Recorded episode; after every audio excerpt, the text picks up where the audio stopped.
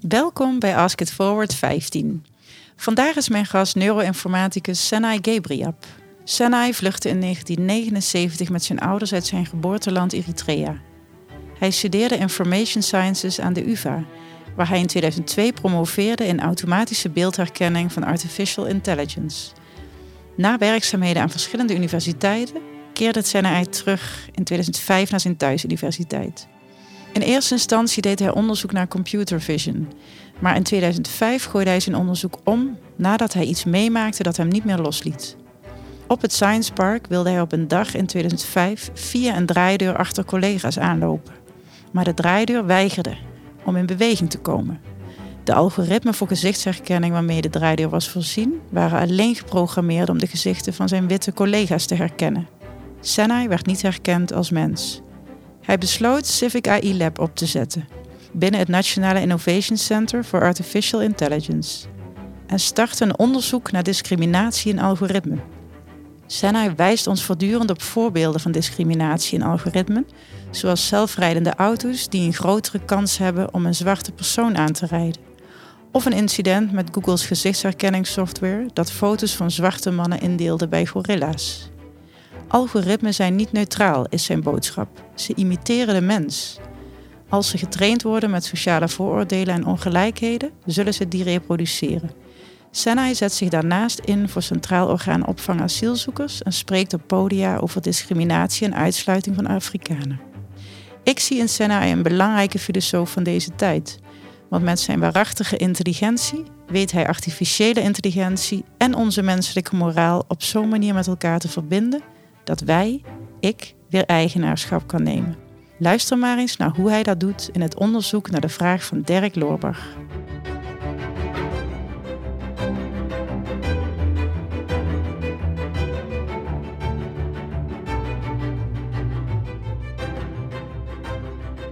Zo, welkom Senai. Wat fijn dat je er bent. Mag ik Senai zeggen? Uiteraard. Ja? Oh, fijn om hier te zijn. Oh, leuk. Helemaal uit Rotterdam, door de regen. En uh, ik heb in Rotterdam ook jouw vraag opgehaald. Hè? De vraag van Dirk Loorbach. Die heeft zich verdiept in jou, via jou in AI. En die stelt de vraag: hoe leren wij van de fouten die AI maakt? Zullen we samen eens luisteren naar de context die hij daarbij geeft? Ja, graag. We hebben zelf het ook al over Twitter gehad en machine learning en, over data. Um, ik zag dat hij ook met, met inclusieve AI bezig is en AI for good. Hè. Dus hoe kan je dat uh, inzetten voor uh, grote problemen? Tegelijkertijd wordt er natuurlijk ook heel veel nagedacht over de risico's die dat met zich meebrengt. Als, als computers straks zelf gaan leren en, en artificiële intelligentie ons over gaat nemen, daar kunnen ook mensen kwaad mee doen. En, en ehm, het, het, kan ook ons overbodig gaan maken als mensen als je heel ver door gaat denken. Dus vanuit transitie is het ook een interessant onderwerp van waar gaat dat heen. Maar het is ook een interessant onderwerp omdat dat leren zo'n belangrijk onderdeel is van transities. Door, doordat we leren met elkaar kunnen we reflecteren, komen we tot nieuw inzicht en komen we tot nieuwe ideeën. Dus de motor van vooruitgang is ook leren. Dat is dat vooruitstruikelen waar wij het altijd over hebben.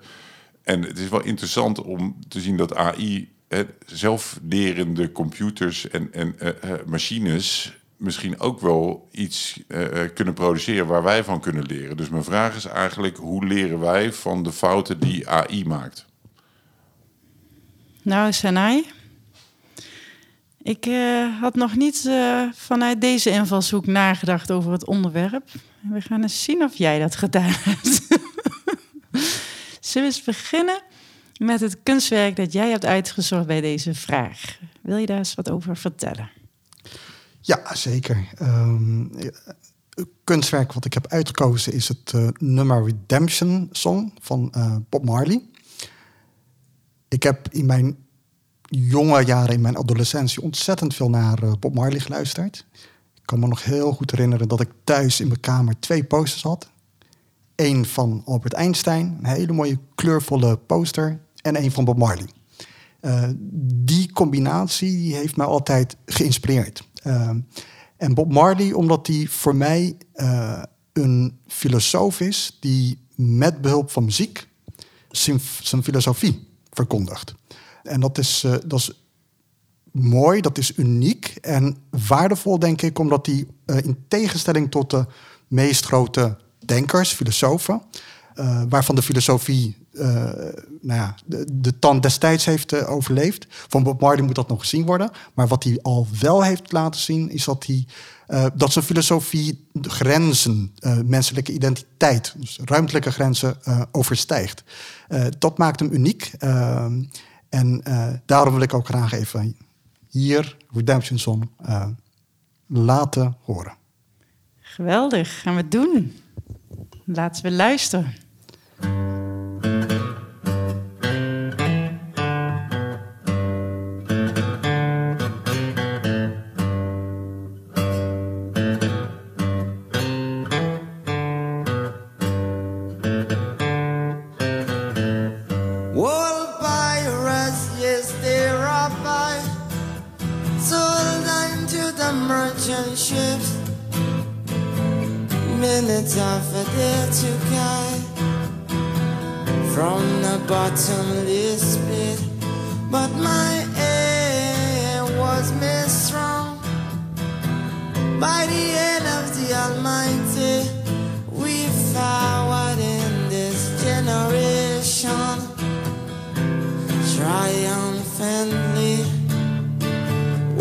You help the same?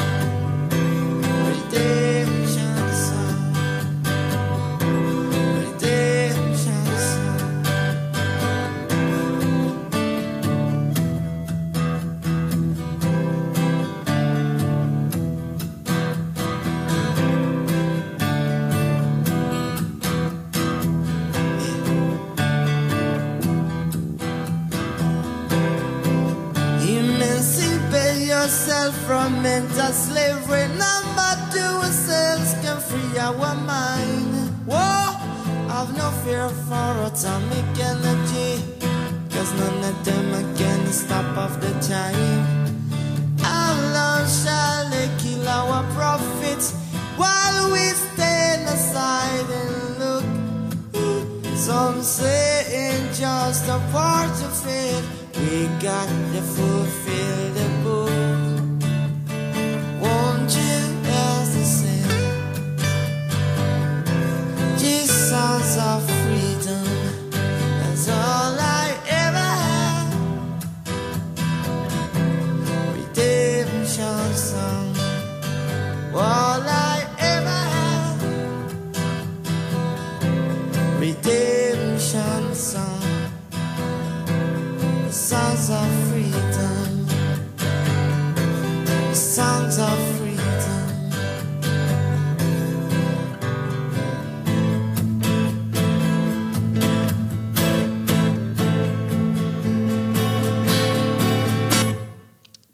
Zo, ik wil er nog wat bij vertellen dat bijna alle nummers van Bob Marley mij raken en iets met mij doen. Ik heb voor dit nummer gekozen, omdat dit eh, een van zijn laatste nummers was. Die heeft hij geschreven, eh, geproduceerd nadat eh, bleek dat hij kanker had. Ehm, en hier vat hij eigenlijk zijn hele legacy nalatenschap samen in eh, 200 woorden. En hij heeft het over het verleden, leren van het verleden. Hij heeft het over het heden, het heden kennen. En hij heeft het over vechten voor de toekomst. Dus het, het wat heel mooi eh, de tijd eh, eh, en, en ruimte eh, samen. Ah, Wat mooi, dat wist ik niet. En ehm, je hebt het over zijn filosofie, hè? Vind ik mooi, mooi dat je... Zo heb ik ook nog nooit naar Bob Marley gekeken. Maar je hebt natuurlijk groot gelijk als je die titel ook toedicht. Maar waar komt zijn filosofie nou in essentie op neer? Als jij het mag omschrijven, en dat mag je. Nou ja, eh, het, is, het, is, het is de filosofie van de liefde. Eh, eh, het is een, het is een Rasta, Rastafari, de Rastafari geloof is de, is, is de filosofie.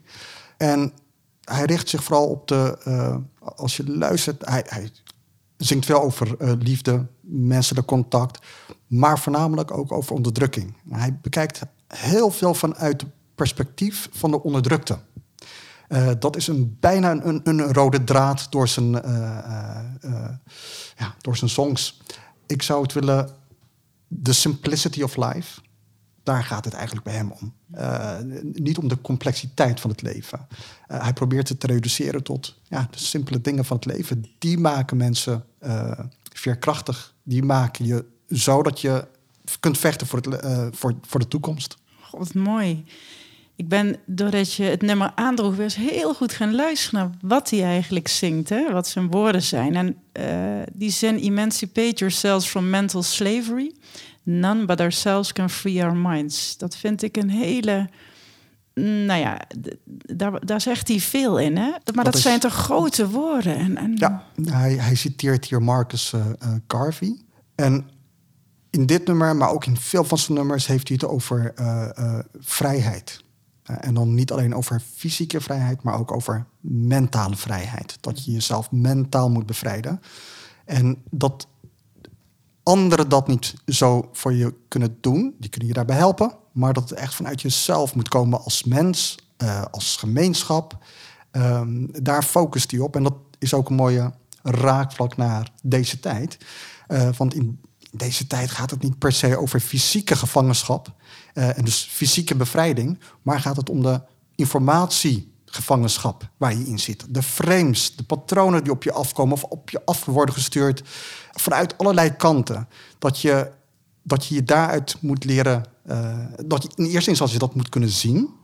En vervolgens dat je daaruit moet kunnen ontsnappen om echt vrij te zijn. Dus dat mentale vrijheid waar hij naar doelt, op doelt, eh, dat is nu net zo geldig als 10, 20, 30 jaar geleden of eh, veel langer terug. Ja, ja, interessant. De informatiegevangenschap waarin we zitten. Wie onderdrukt ons nu? Als je het hebt over, je, je zegt hij heeft het altijd over het perspectief van de onderdrukte, van daaruit zingt hij. Eh, daar zit het woord gevangenschap in, maar wie onderdrukt ons nu of wat onderdrukt ons in die informatiegevangenschap? Nou, de mensen die. Eh, eh, de mensen, organisaties, bedrijven die weten dat informatie cruciaal is. Dat, dat beeldvorming cruciaal is. Ehm, het is niet eh, zonder reden dat machthebbers in nou ja, dictatoriale landen alle media als eerst sluiten of de pers sluiten of in, overnemen om zo bepaalde informatie naar de bevolking over te geven. Nu heb je dat nu met, met, ehm, met de big tech bedrijven, de Facebooks, de Googles, die heel goed weten te profiteren van beeldvorming, informatie. eh, die, die, die gebruiken hun informatiepositie, macht om mensen tegen elkaar uit te spelen. Wij, wij zijn mensen, we denken heel erg in labels, in categorieën. Dus zij zijn degene die nu de labels en de categorieën maken voor ons waarin we gevangen zitten. Wit tegen zwart, of eh, eh, rijk tegen arm, of jong tegen oud. En dat is een soort gevangenschap dat je, eh, waar je heel moeilijk uit kunt ontsnappen omdat je continu bezig bent met social media, of het nou Facebook is of Twitter of wat, wat dan ook. Je wordt continu gebombardeerd met informatie die jou in een bepaalde hoek, in een bepaalde box, een categorie stuurt. Dat is ook een vorm van gevangenschap, al denken we daar niet altijd zo specifiek over. Nee. Vanuit welk perspectief kijk jij naar het onderwerp AI? Als je het vergelijkt met Bob Marley en de perspectief van waaruit hij kijkt naar onderdrukking en vrijheid. Ik eh, zit al vrij lang in, in, in de AI. En ik ben in de AI eh, gegaan omdat ik daar kansen zag. Kansen. eh, nou, ik, ik, ben, ik ben destijds gepromoveerd in de medische AI. Ik, ben, ik heb medische informatica gestudeerd. Juist omdat je in die hoek heel veel data zag eh, opkomen en gebruikt worden. Door eh, bijvoorbeeld radiologen. Die geholpen kunnen worden door AI, door algoritmes die leren hoe radiologen leren. En vervolgens dus ook radiologen kunnen assisteren in het doen van hun eh, werk. Nou, dat, is een, is natuurlijk een hele grote mooie kans als je eh, radiologen de medische wereld met behulp van AI kunt, eh, kunt helpen. En zo kun je dat doortrekken. Nu met klimaat kun je ook AI inzetten om beter inzichtelijk te maken wat er aan de hand is met het klimaat. Waardoor verandert het? Hoe kun je daarin interveneren? Et cetera. Dus het biedt heel veel kansen. Tegelijkertijd komt het ook met, met risico's. Risico's waar we de laatste tijd heel veel over horen. In de media, in de wetenschap, eh, op allerlei vlakken. Namelijk algoritmes eh, die, eh, eh, en AI breed... eh, die mensen onderdrukken of die gebruikt worden op zo'n manier waarbij bepaalde bevolkingsgroepen worden benadeeld. Of het nou gaat om vrouwen bij sollicitaties die eh, eh, gedaan worden of uitgevoerd worden door eh, eh, AI-systemen. Of het nou gaat eh, om eh, mensen doorverwijzen naar ziekenhuizen waarbij je vooral in Amerika ziet dat eh, zwarte mensen veel minder snel worden doorverwezen naar de huisarts of naar de ziekenhuizen door een algoritme dan eh, witte mensen. Zo zijn er tal van voorbeelden waarin je kunt zeggen dat AI op zo'n manier wordt ontwikkeld, toegepast, dat bepaalde bevolkingsgroepen benadeelt. En wat het, het zijn toch uiteindelijk zijn wij het, de mensen die die AI, ja, die, die labeling en die ordening programmeren. Als ik luister naar Dirks vraag aan jou, dan, eh, ja, we kennen, je hebt het net al over het zelflerend vermogen van AI. Hij vraagt hoe leren wij van de fouten die AI maakt. Dus hij vermenselijkt als het ware AI in mijn beleving. Kun je mij en de luisteraars meenemen in hoe werkt dat nou? In hoeverre is AI iets, en wat is het dan, eh, dat voorbij kan gaan aan wat we erin stoppen? Hiervoor wil ik terug naar eh, wat ik heel, heel graag doe. In mijn dagelijks leven, maar ook in, in, in de wetenschap, is eh, proberen antwoord te geven op vragen die nog gesteld gaan worden. Dat vind ik uitdagend. Dat, dat maakt het iets creatiever. We gaan niet met z'n allen aan dezelfde vraag, maar je probeert zelf de, de vraag te bedenken die op gaat komen en daar al een antwoord op eh, te verzinnen.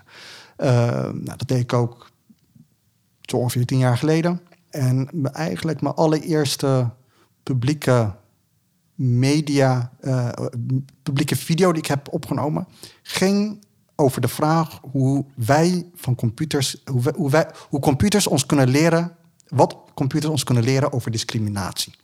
Ja. En de aanleiding voor die video, eh, die ik destijds heb eh, gemaakt, dat was voor Mindshakes, was de app die Google had ontwikkeld om foto's automatisch te categoriseren. De, foto's die je maakt met je mobiele telefoon categoriseren in dit is een thuissituatie, dit is eh, eh, een mens, dit is een auto of dit is eh, persoon X en dit is persoon Y. Daarvoor gebruikten ze algoritmes. Nou, wat bleek, die algoritme, dat was in 2015, ehm, bleek zwarte mensen te categoriseren onder de labelcategorie eh gorilla. Dat was eigenlijk de eerste instantie waarbij wereldwijd opeens AI en discriminatie aandacht kreeg. De CEO van Google heeft toen ook openlijk op CNN eh, publiekelijk eh, spijt betuigd. Ehm, en hoe kwam dat? Nou, ze, wat, wat AI typisch doet is, het is eigenlijk net een kind. Je leert het door middel van voorbeelden. Je leert, stel voor dat je dus een app wil hebben ehm, die eh, je foto's kan categoriseren. Nou, dan geef je foto's van mensen. Dan geef je foto's van auto's. Dan geef je foto's. Je geeft allerlei voorbeelden van verschillende categorieën. En op basis van heel veel voorbeelden van auto's en heel veel voorbeelden van mensen, leert zo'n AI-systeem allerlei visuele kenmerken in beelden die een mens mens maakt, een auto een auto maakt, et cetera. Dus het is eigenlijk heel erg leren op basis van voorbeelden. Als zo'n systeem dan niet genoeg voorbeelden krijgt, van bijvoorbeeld mensen van bijvoorbeeld auto's, dan zal het ook niet goed in staat zijn om te onderscheiden tussen auto's en mensen. Maar het kan, als je niet genoeg voorbeelden geeft van de, vers- de diversiteit aan mensen op de wereld, zal het ook niet een onders- kunnen onderscheiden eh, zwarte mensen, witte mensen, eh, mensen eh, met een Aziatische achtergrond. En dat is in dit geval ook zo gebeurd. Het systeem werd, was niet gevoed met genoeg voorbeelden van de diversiteit aan mensen om verschillende mensen te kunnen onderscheiden als mens. Dat is een ontzettend mooi voorbeeld, want en daar gaat mijn, eh, ging mijn video ook over. Dat betekent dus dat je zo'n systeem minder eh, discriminerend kunt maken door het te voeden met allerlei voorbeelden van datgene wat hij niet eerder heeft gezien. Een hele simpele oplossing voor een heel complex maatschappelijk probleem. Nou daar hebben ze wat aan gesleuteld en het probleem verbeterd, eh, niet opgelost. Eh, en dit is een voorbeeld met een, met een app, met, eh, maar je kunt ook, ook met, met algoritmes die gebruik maken van medische data of van sociale data. Van, geldt hetzelfde. Je geeft heel veel voorbeelden Ja. waaruit het systeem dan leert. Wat Ja. die verschillende labels zijn, of op basis waarvan het systeem vervolgens ook beslissingen kan nemen. Dus representatie is ontzettend, ontzettend belangrijk. Dat is één van de dingen die we kunnen leren. Dit is nou ja, eh, iets wat ik vijf jaar geleden heb eh, gedaan. Eh, nu terugkijkend denk ik dat dat maar een heel klein voorbeeld is van hoe AI ons mensen kunnen leren wat we fout doen. Nu denk ik, nou, dus als je, als je zo'n systeem, als je zo'n lerend systeem ontwikkelt, toepast, zijn er eigenlijk op drie punten iets wa- waar we van kunnen leren. Aan het begin, wat is de intentie waarmee wij algoritmes maken? Daar, dat is alle, als, als, als de intentie is. ehm, we gaan eh, bijstandsfraudeurs opsporen, dan is dat al een hele, in, in, in mijn visie, foute inzet van AI. Je kunt AI ook inzetten om mensen uit de bijstand te helpen. Ja? Dat is een hele andere intentie. Ja. Eh, dus in, intentie is iets, iets heel belangrijks. En daar leert AI ons ook hoe wij naar mensen kijken. De, de, de, toepassingen van AI is het opsporen van fraude, het opsporen van dat, het najagen van dat. Dat vertelt heel wat over, over ons. En ook met name het opsporen van bepaalde bevolkingsgroepen. Die, ja, dat is een, Ja, dus, dus het is het moment waar, waar, waar zet je een systeem eh, op of aan de gang? Welke, eh, en welke vraag zit daaronder? Dat is dus cruciaal in alle keuzes die daarna volgen. Precies. Ja. Daar begint het mee. Stap 2 is, als je het gaat maken, het creatieproces. Wie maakt het?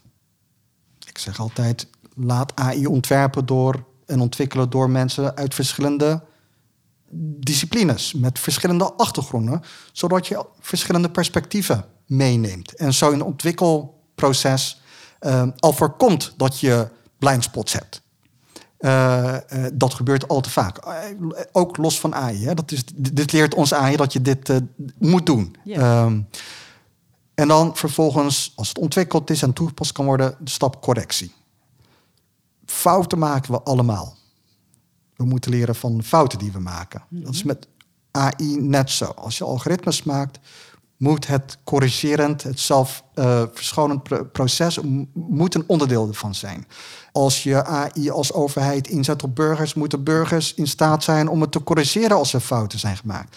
Dus die correctie, het meenemen van burgers, het correctiemechanisme een intrinsiek onderdeel maken van het geheel, dat is een ander punt wat eh, Ja. eh, AI ons leert. Ontzettend interessant, want waar ik nu meteen aan denk is dat eigenlijk die principes van intentie, creatie en correctie, ehm, dat zijn principes, ik, ik noem ze niet zo, maar die ik toepas in het begeleiden van organisaties bij transitie bijvoorbeeld. Ik ga, al we hadden het er net over, hè, voordat, ik begon, eh, voordat we samen hier begonnen, maar die, eh, ik noem dat dan de vraag achter de vraag zoeken. Heel vaak beginnen mensen bijvoorbeeld, of begint de raad van bestuur met eh, de vraag ehm, hoe ze een bepaald probleem kunnen oplossen. En dan gaan we eerst op zoek, ja, maar wat ligt daar voor werkelijk verlangen onder? Hè? Dus een, de vraagformulering is essentieel. Dat raak jij net ook aan. Want op het moment dat je hem niet helemaal zo formuleert dat hij uitnodigt bijvoorbeeld tot onderzoek, of er al een oordeel in zit of een aanname in die vraag, gaat je hele proces daarna die kant op. Kun je, kun je niet meer rechtzetten. En ik heb heel vaak moeten uitleggen aan opdrachtgevers waarom ik ook het onderzoek naar die vraag offreer. Ja, hallo, wij weten onze vraag toch al? Het is de helft van je antwoord. Als wij nu in het proces op zoek gaan naar wat is nu hier eigenlijk de vraag.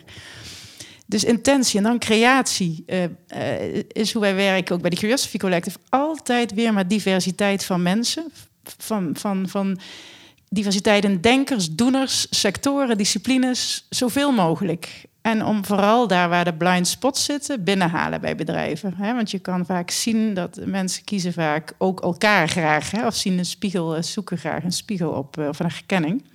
En als derde dat correctieverhaal. Dat noem ik levend onderzoek. Mogen we ook fouten maken? Zo ja, hoe gaan we daarmee om?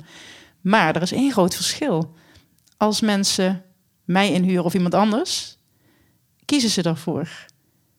En krijgen ze een aanpak waarin ze bewust worden meegenomen door die drie lagen heen. Um, maar AI uh, beïnvloedt massaal de hele wereld. En mensen hebben niet in de gaten hoe belangrijk het is om dat soort stappen te lopen. Dus weten ze ook niet ja, wat daar nou, als daar niet geborgd wordt, wat de gevaren daarvan zijn. Kunnen we daar eens naar kijken? Hoe belangrijk is het feit dat mensen niet in de gaten hebben wat er gebeurt en hoe ze gestuurd worden? Hoe belangrijk is dat? Hoe vormt dat onze maatschappij? Ja, dat, is, dat, is, dat zit een beetje aan de basis van het, het probleem. Uh, het is ontzettend belangrijk. En daarom focus ik ook ontzettend veel op onderwijs. Vooral uh, zelfs tot op het niveau van een basisscholen. Hoe werkt AI? En dat kan je op hele simpele manieren doen om de basisprincipes mee te geven. Dat helpt al enorm. Uh, het wordt een lange termijn oplossing. Ik denk dat heel veel mensen nu niet bewust zijn van hoe AI werkt. Die wil je natuurlijk bewust maken. Dat is ook de reden waarom ik nu heel veel in de media hierover praat. Uh, elk poging helpt. Uh, maar ik denk dat de, uiteindelijk de, de grootste oplossing komt bij de volgende generatie. We moeten vooral inzetten op de volgende generatie. De jongeren, die we bewust opleiden in een digitale wereld, in een, uh, een algoritmische uh, wereld.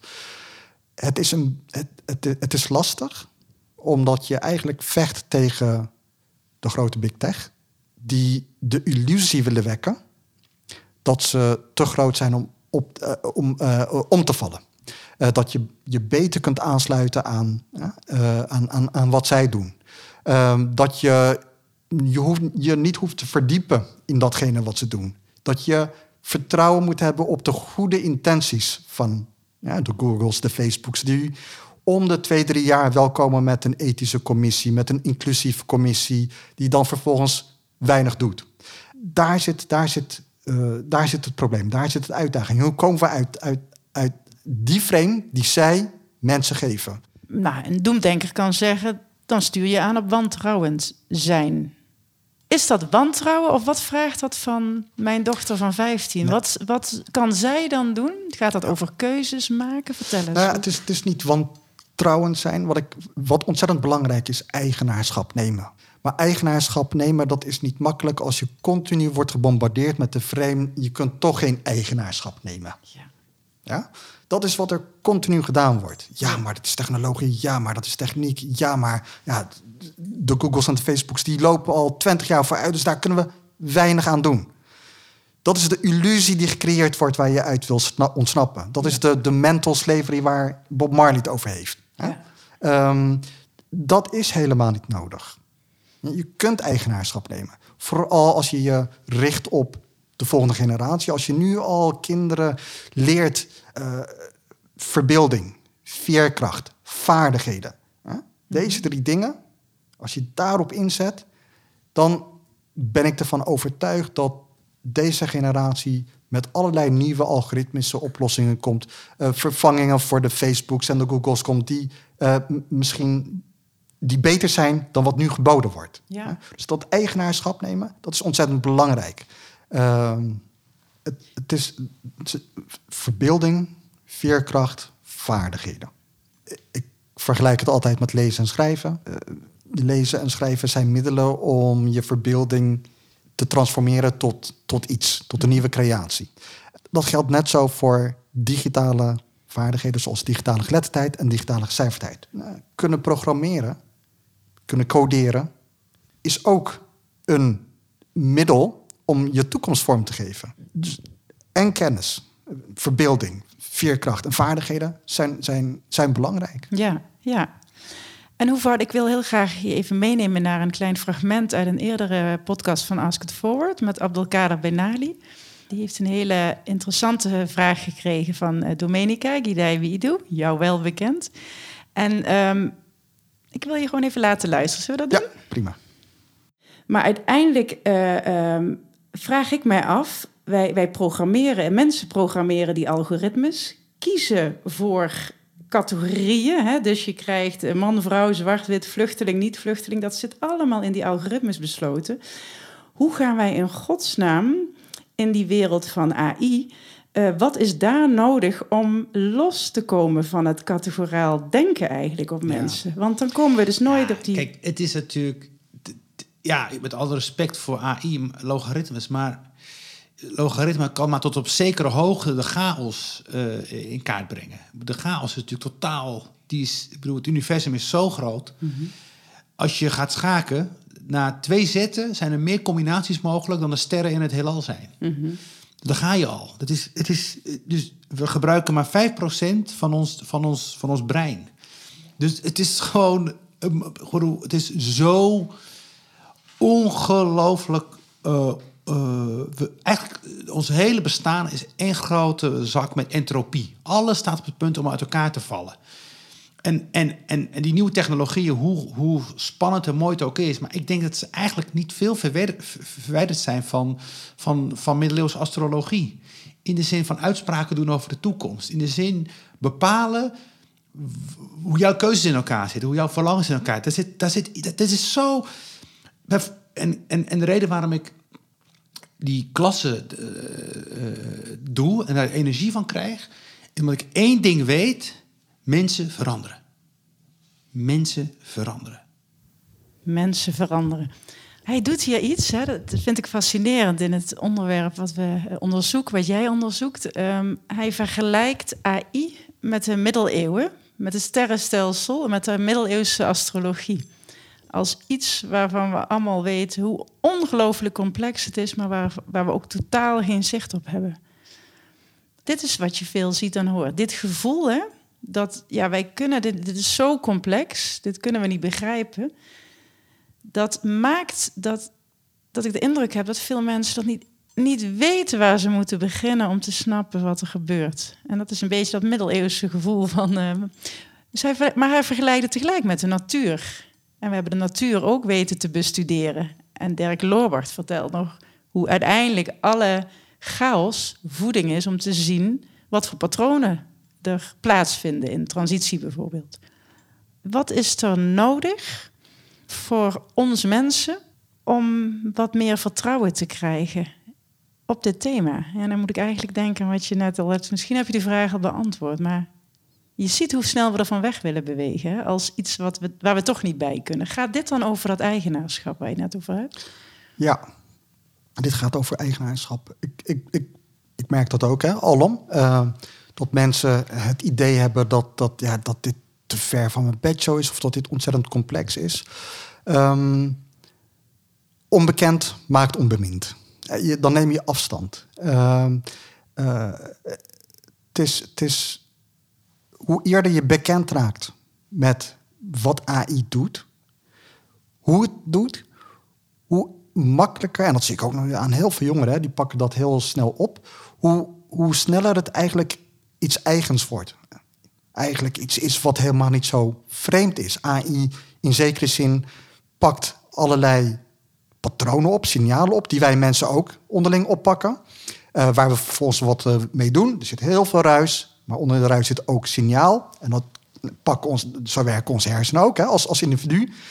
In het ruis zit hier een signaal. En je hersenen zijn zo geëvalueerd dat ze die functionele signalen er, eruit pakken wat, wat AI doet is niet heel veel anders. Alleen het pakt niet uh, signalen op van uh, die één persoon op kan pakken. Het pakt signalen op die ik oppak, die jij oppakt, die anderen oppakken.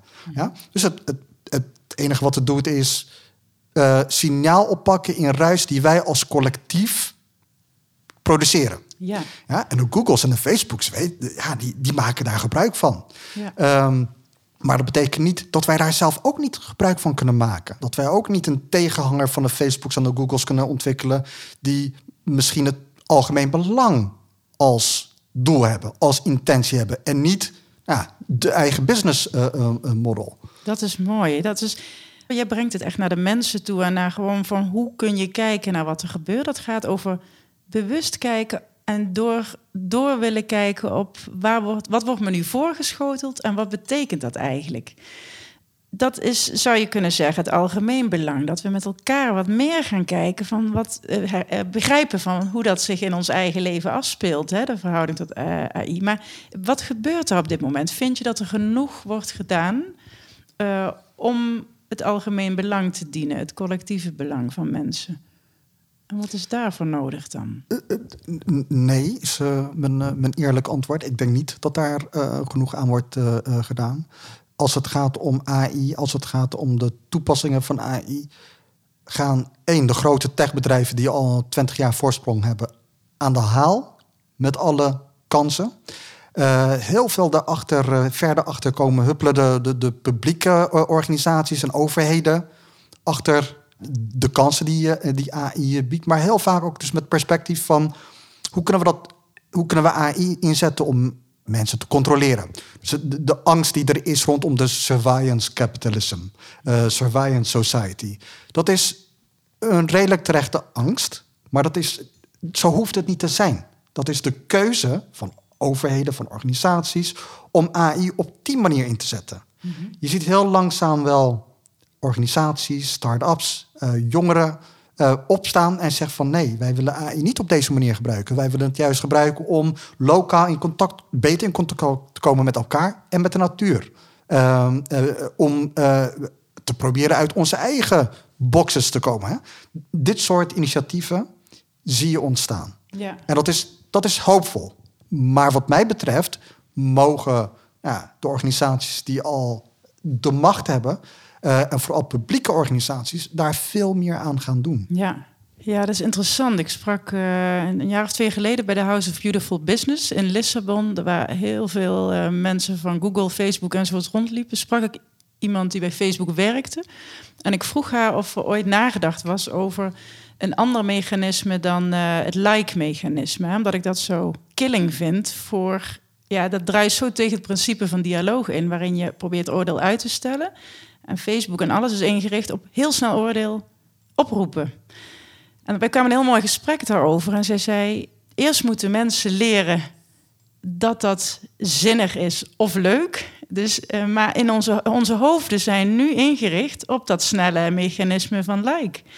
En toen dacht ik, ja, maar waar beginnen we dan? Want AI is ook een manier om iets te beïnvloeden wat je goed vindt. En ik heb nog nooit iemand tegen mij horen zeggen dat dialoog iets is wat je niet wil voor een maatschappij. Waar beginnen we dan? Wie verlost ons? Iemand moet ons verlossen van dat heel snel oordelende mechanisme bijvoorbeeld. En ik ken, nou, we hebben nu Clubhouse, hè, wat een andere vorm is. Heeft ook weer iets heel snels en zenderigs. Hoe kunnen wij, dat zou mijn vraag, hoe kunnen wij dialoog Ja. in AI integreren? Ja, ja. ja. Eh, eh, eh, zoals Bob Marley zei, none but ourselves can free, our, from, free, free us from slavery. Nie- niemand anders gaat dat voor jou doen. Maar als jij niet in staat bent ja, om, om als individu of met een collectief te komen met alternatieven. Dus dat vraagt wel om mensen die wat afweten van coderen of iets creëren. Maar dat, zijn genoeg mensen. Als jij dat niet gaat doen, dan gaan anderen dat ook niet voor jou doen. Dus als jij gaat wachten totdat er een alternatief komt, dan neem je geen eigenaarschap en dan doe je precies datgene wat de Facebooks en de Googles willen hebben, namelijk jou in een positie zetten waar je zegt van ja, wanneer, wanneer komt de alternatief? Er komt geen alternatief als jij dat niet zelf niet wilt. Oh, I like. Ik voel me enorm geprikkeld nu. Want ik heb het al een paar. Ik loop er al langer mee in mijn hoofd en mijn systeem. En ik voel ineens precies dat dit het is. Dat als ik het niet doe, we gaan vormgeven en op zoek gaan naar wie mij kan helpen om het te doen, ons kan helpen. We hebben al een supermooi collectief. Dan gebeurt het niet. Ja, dit bedoel je met dat eigenaarschap. Ja. Dankjewel. En het is helemaal niet zo ver weg. Ja? En je hebt het zelf gehad over met mensen samenwerken die eigen inzicht hebben, eigen capaciteit hebben, eigen. Dat is wat het vraagt. Jij hoeft niet alles van A tot Z te kunnen ontwikkelen, zolang jij je omgeeft met mensen die met dezelfde intentie iets willen maken voor jou, voor je omgeving, voor anderen. Dan, dan lukt het. Maar stil blijven staan en, en wachten totdat anderen dat voor jou gaan doen, dat, daarmee Nee, nee. gaat het, eh, gaat het eh, niet lukken. Mooi. Het andere punt waar ik eh, in parallel aan zat te denken, eh, om terug te komen naar het stuk van eh Abdelkader, is. ehm, ja, we hebben, ik heb het nu vooral gehad over AI en hoe AI ingezet kan worden voor maatschappelijke vraagstukken, omdat het juist heel goed data bij elkaar brengt, patronen herkent in alle noisy data. Dat is één, maar je kan het ook heel erg terugtrekken naar jezelf. Hè. Wij, wij mensen denken eenmaal in categorieën. Ja. Zoals Abdelkader zegt. Ja. Ja, het is label dit, label dat, categorie. Eh, en daar kunnen wij ook niet heel veel aan veranderen, omdat wij een beperkte hersencapaciteit hebben.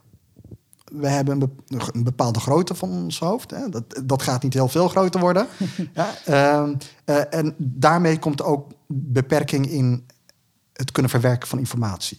Daarom moeten we generaliseren. Daarom moeten we informatie reduceren. Daarom moeten we patronen kunnen herkennen en alleen maar met patronen in plaats van alles te. eh, dat betekent dat we altijd zullen blijven met categorieën, met labels. De vraag is dan, wat zijn de, de categorieën, labels die ons verder helpen? Die ons Ja. in dialoog brengen. Ja? In Ja. plaats van ons polariseren.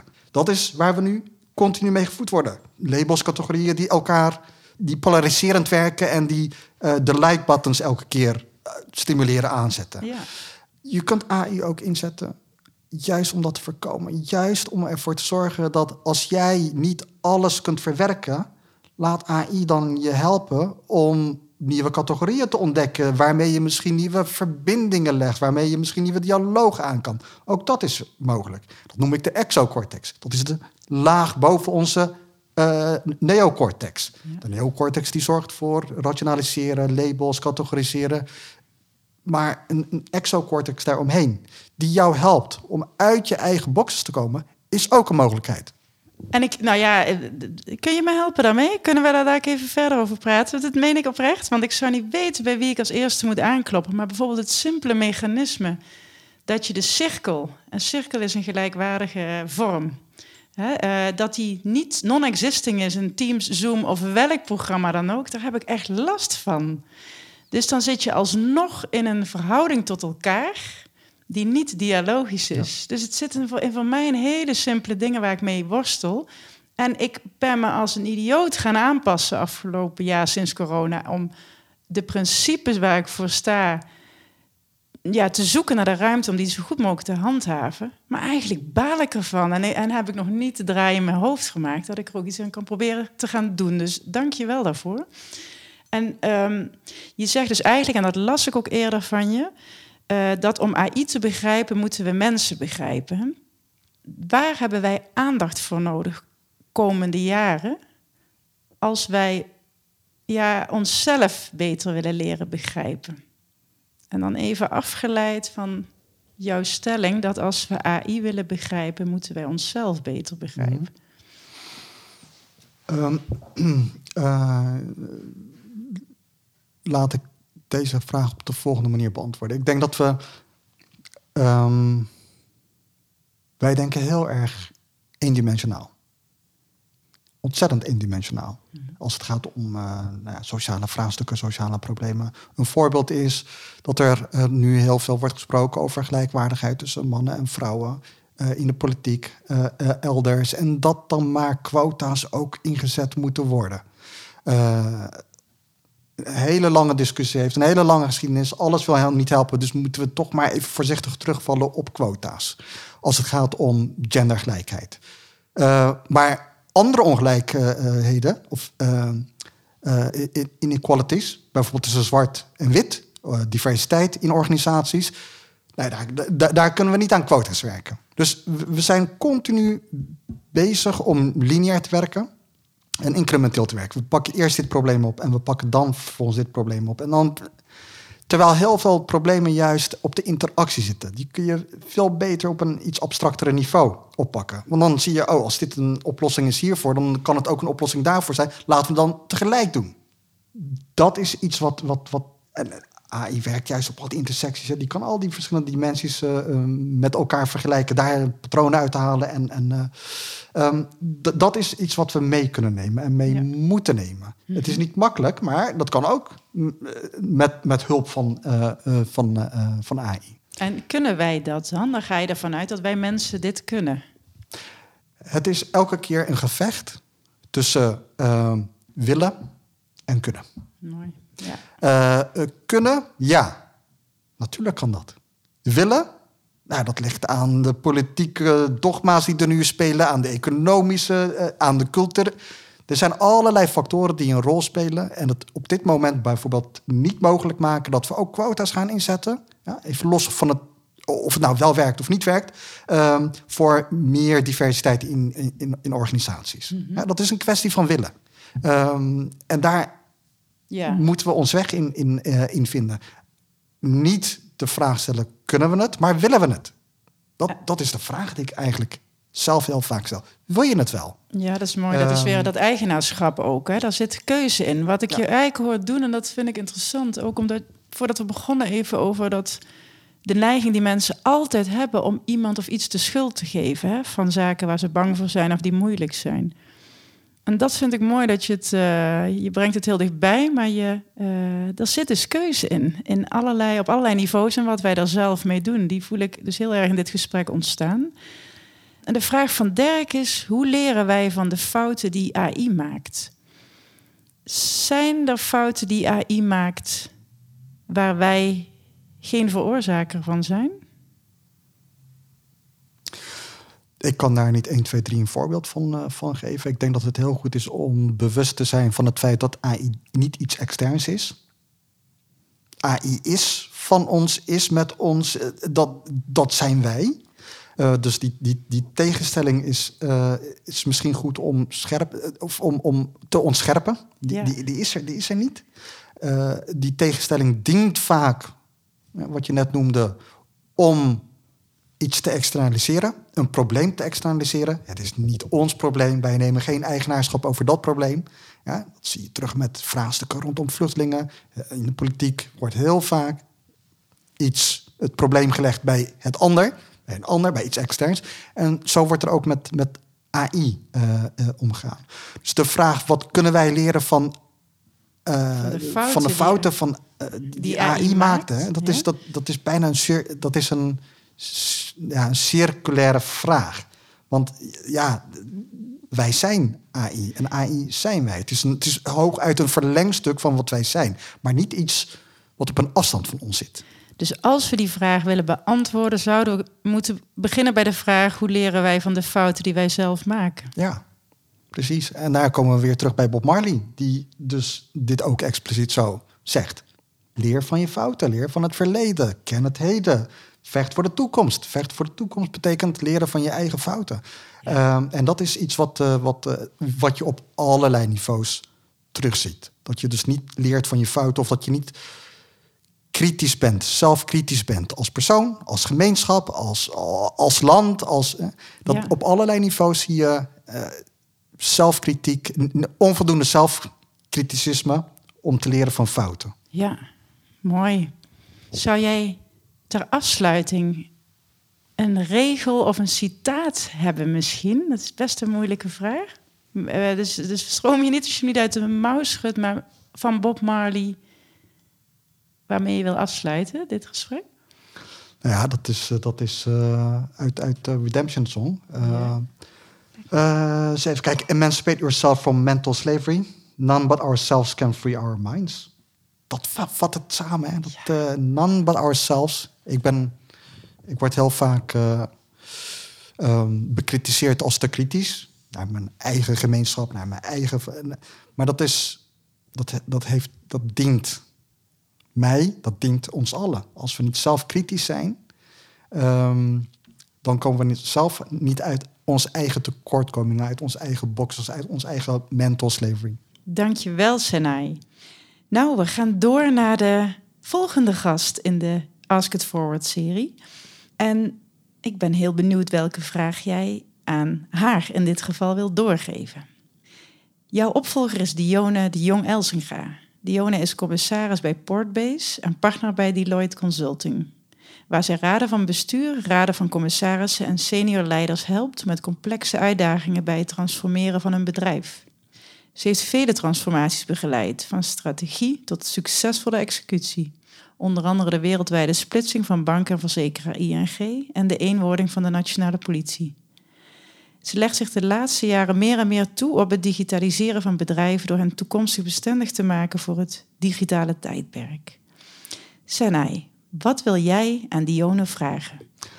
Um, ik heb uh, onlangs een, een, lezing gegeven, de staat van internetlezing, waar ik het had over grote systeemveranderingen.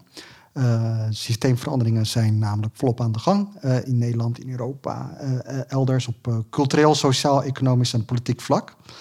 En er zijn meerdere drijvers van deze veranderingen, maar ik eh, focus mij op twee transformatiedrijvers. Dat zijn één diversificatie van de samenleving. Onze samenleving verandert in een snel tempo.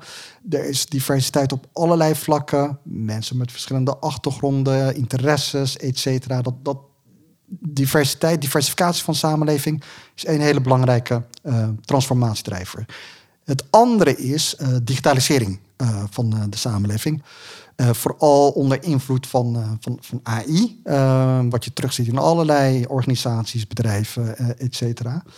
Um, en mijn vraag aan Dione is: um, welke kansen voor de toekomst brengt de intersectie van deze twee transformatiedrijvers voor organisaties en overheden? Zo, Dione, eat your heart out. oh, dat is niet mis, maar uiterst boeiend. Ik ga hem um, nou, letterlijk aan haar uh, brengen vanavond, de vraag. Zodat zij daar goed over kan gaan nadenken. Veel dank, Senai. Ik heb genoten van dit uur met jou. Dank je wel. Dank. Dit was Ask It Forward. Ik hoop dat je in het luisteren een nieuw perspectief hebt ontdekt. Mocht je nieuwsgierig zijn naar wat de Curiosity Collective nog meer te bieden heeft, kijk op www.thecuriosophycollective.com. Als je geniet van deze podcast, volg ons dan op je favoriete podcastkanaal en geef het grote genieten door aan je familie, vrienden en relaties.